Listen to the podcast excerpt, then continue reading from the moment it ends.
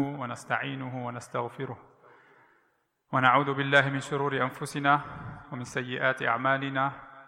من يهده الله فهو المهتد ومن يضلل فلا هادي له وأشهد أن لا إله إلا الله وحده لا شريك له وأشهد أن محمدا عبده ورسوله وصفيه من خلقه وخليله.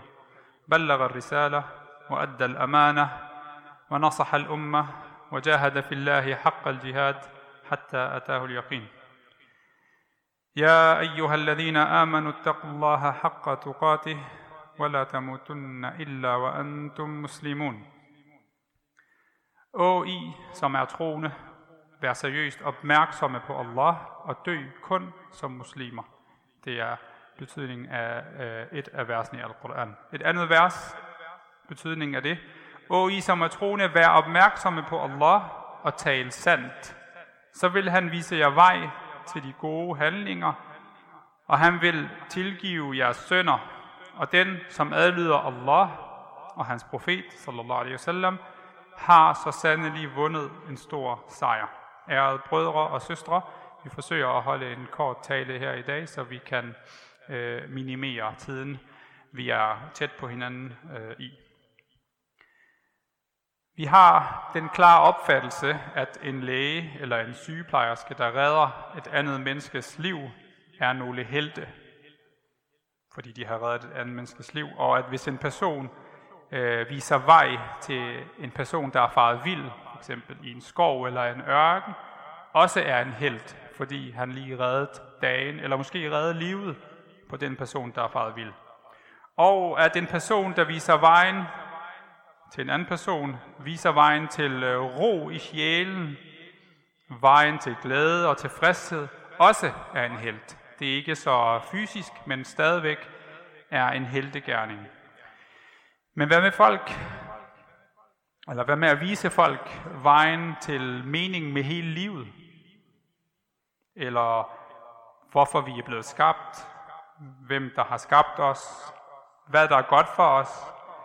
At vise vej til svaret på de her spørgsmål, det må være den største heltegærning. I hvert fald så er det det, Allah siger, at det er.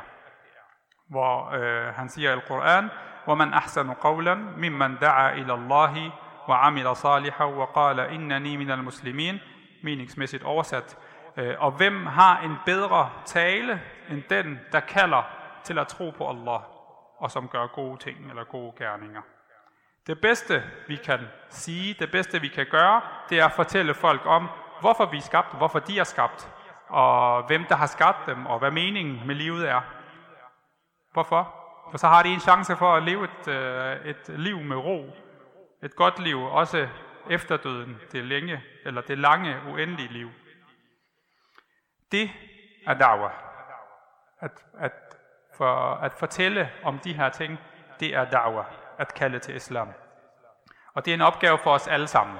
Det er ikke kun øh, vores syur, imamen og de lærtes øh, opgave. Det er vores allesammens opgave, alt efter hvad vi kan. Og det, og det er som sagt det bedste. Waman ahsanu qawlan. Hvem er bedre end den, der gør det, siger Allah. Men der er et vigtigt men, når vi snakker om at kalde til islam, fordi det er også en romantisk forestilling for mange af os, det her med at lave da'wah, kalde til islam. Men hvad vil det sige, og hvordan? Det skal gøres på den rigtige måde, øh, ellers så kan det have den modsatte effekt. Man kan blive skyld i, at folk flygter fra islam, i stedet for at komme til islam, hvis man ikke giver, øh, hvis ikke man øh, kalder til islam på den rigtige måde. Okay, hvordan gør vi det så på den rigtige måde? Har vi nogle øh, ledetråde? Allah han har fortalt os grundreglen for, hvordan vi gør. Han siger i Al-Quran, Ud'u ila sabili rabbika bil hikmati wal maw'idati al hasana. Oversat meningsmæssigt, kald til Allahs vej, altså kald til islam, med visdom og god påmindelse. Og begge to er vigtige, visdom og god påmindelse, men hvis vi fokuserer på visdom, hvad er visdom? Ja, nu lærer det øh, forklare det ved at sige, at det er at sige de rigtige ting på det rigtige tidspunkt, i de rigtige mængder til de rigtige personer. Det er hikma, det er visdom. For eksempel, hvis en person, vi er i gang med at fortælle om islam, han eller hun elsker, øh, en ikke-muslim lad os sige, elsker at drikke sin vin. Det er der mange mennesker, der gør. Ikke-muslimer især. De elsker for eksempel deres daglige glas vin. Og de har gjort det i 20, 30, 40 år måske. Så skal det første ikke være, det vi fortæller dem, at deres salat ikke accepteres i 40 dage for hver gang de drikker vin. Det vil være demotiverende, og det vil ikke være den bedste måde, den rette måde at kalde den person til islam på. Allah, som ved bedst, øh, han kender os mennesker allerbedst, han ved, at vi har brug for ting gradvis, og derfor så har hans vejledning til os, islam, Quran, den er også blevet sendt og bygget op gradvis. Så det skal vi have for øje, når vi laver da'wah, når vi kalder til islam. Og det gælder også, altså visdom, det gælder både, når vi kalder ikke-muslimer til islam, men forsøger at få, også når vi forsøger at få muslimer til at blive mere øh, opmærksomme på deres tro. En ung person, lad os sige en muslimsk født person, der aldrig har lært, som rigtig har lært, hvem Allah er, ikke har lært at elske Allah. Øh, hvis den person hver dag får at vide af sin far eller mor eller imamen i moskeen, øh, at Allah er utilfreds med ham, er vred på ham, fordi han ikke beder, han ikke faster, fordi han øh, drikker en gang imellem, eller hvad han gør. Hvis han får det at vide hele tiden, så vil han aldrig måske rigtig vende tilbage og blive seriøs om sin tro. Fordi han aldrig har lært, hvem Allah er. Hvorfor skal jeg overhovedet øh, gøre de her ting, som Allah har bedt om? Så den rette da'wah, den rette måde til den person, det vil jo være at fortælle ham, hvem Allah er i første omgang. Hvorfor? Øh, indtil at han elsker, begynder at elske Allah. Fortæl ham om Allahs barmhjertighed, Allahs visdom, Allahs retfærdighed, Allahs gavmildhed. Og når man begynder at elske Allah, så er man villig til at gøre alt og følge al, uh, Allah, al vejledning, der kommer fra Allah. Mange af de lærte, de siger, at sahaba, de lærte at elske Allah først, og så da reglerne kom, så fulgte de bare efter blindt, med, altså fuldblods. Og mange af os, vi er måske vokset op på, en, på den omvendte måde. Vi, har, vi er vokset op med halal og haram, uden egentlig at få et stærkt forhold til Allah. Og derfor så gør vi alt, hvad vi kan for at undgå at følge reglerne. Fordi vi ved ikke, hvem det er, vi forsøger at flygte fra. Hvis vi vidste, hvem Allah var, så ville vi måske have en anden tilgang til det. أقول قولي هذا وأستغفر الله لي ولكم. Søg Allah om tilgivelse, for sandelig han er den, der er den mest tilgivende.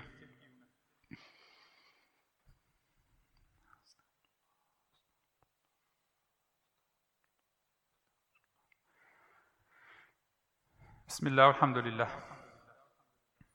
En, øh, en sidste ting, eller en næst sidste ting, jeg vil fortælle øh, omkring det her, og det at kalde til islam, det er, når vi laver modsvar til muslimer, eller ikke muslimer for den sags skyld, når vi laver rad, det arabiske ord rad, at svare nogen imod, der har sagt noget, der er bare langt ude, som de skal have et modsvar på. Især på sociale medier, fordi der er det nemt at gemme sig bag skærmen, bag tastaturet. tastaturet så er det sjældent en god måde at lave dager på. Hvis det er det, man tror, man er i gang med at lave, når man laver hårde medsvar og så videre, og kontante svar, så er det sjældent dawa. Det er sjældent det at kalde til islam. Det er noget andet. Det er modsvar, det er debat, det er diskussion, men det er ikke, det er sjældent dawa, fordi der ligger i ordet dawa, det arabiske ord dawa, at invitere. Ad'uk, at man inviterer folk. Så det er sjældent bliver opfattet som en invitation, når man svarer nogle andre i hårdt imod, eller begynder at tage en hård debat øh, med de andre. Det er nærmere en krigserklæring.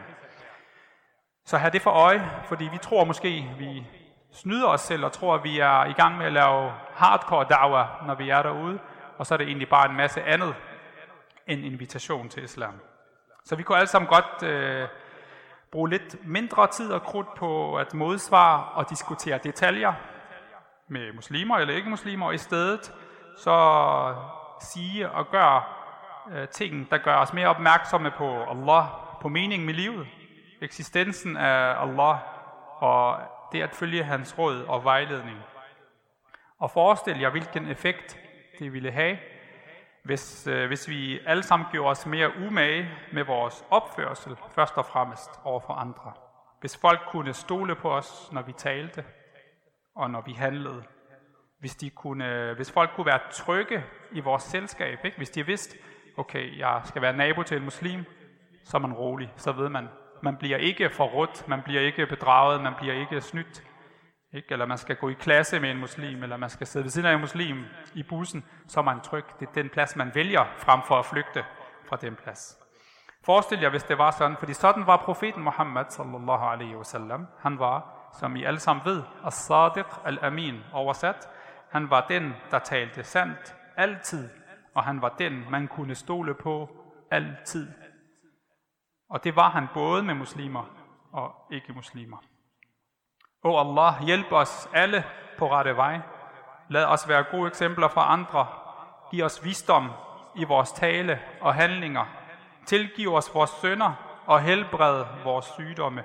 Hjælp os øh, med at blive fri fra de her begrænsninger, som vi lever under og har gjort i øh, snart et år, så vi igen kan fylde, øh, fylde masjid og bede skulder, øh, skulder om skulder, eller skulder til skulder med hinanden i broderskabet. Og vær barmhjertig med os og vores forældre og alle de troende, og hjælp os med at overvinde al uretfærdighed. Det er en af vores kampe, at kæmpe imod uretfærdighed, uanset hvor og hvem der begår den. Og befri de uskyldige og befri de besatte overalt i verden. Hadina fi man hadait, وعافنا فيمن عافيت وتولنا فيمن توليت وبارك لنا فيما أعطيت وقنا برحمتك واصرف عنا شر ما قضيت سبحانك رب العزة عما يصفون وسلام على المرسلين والحمد لله رب العالمين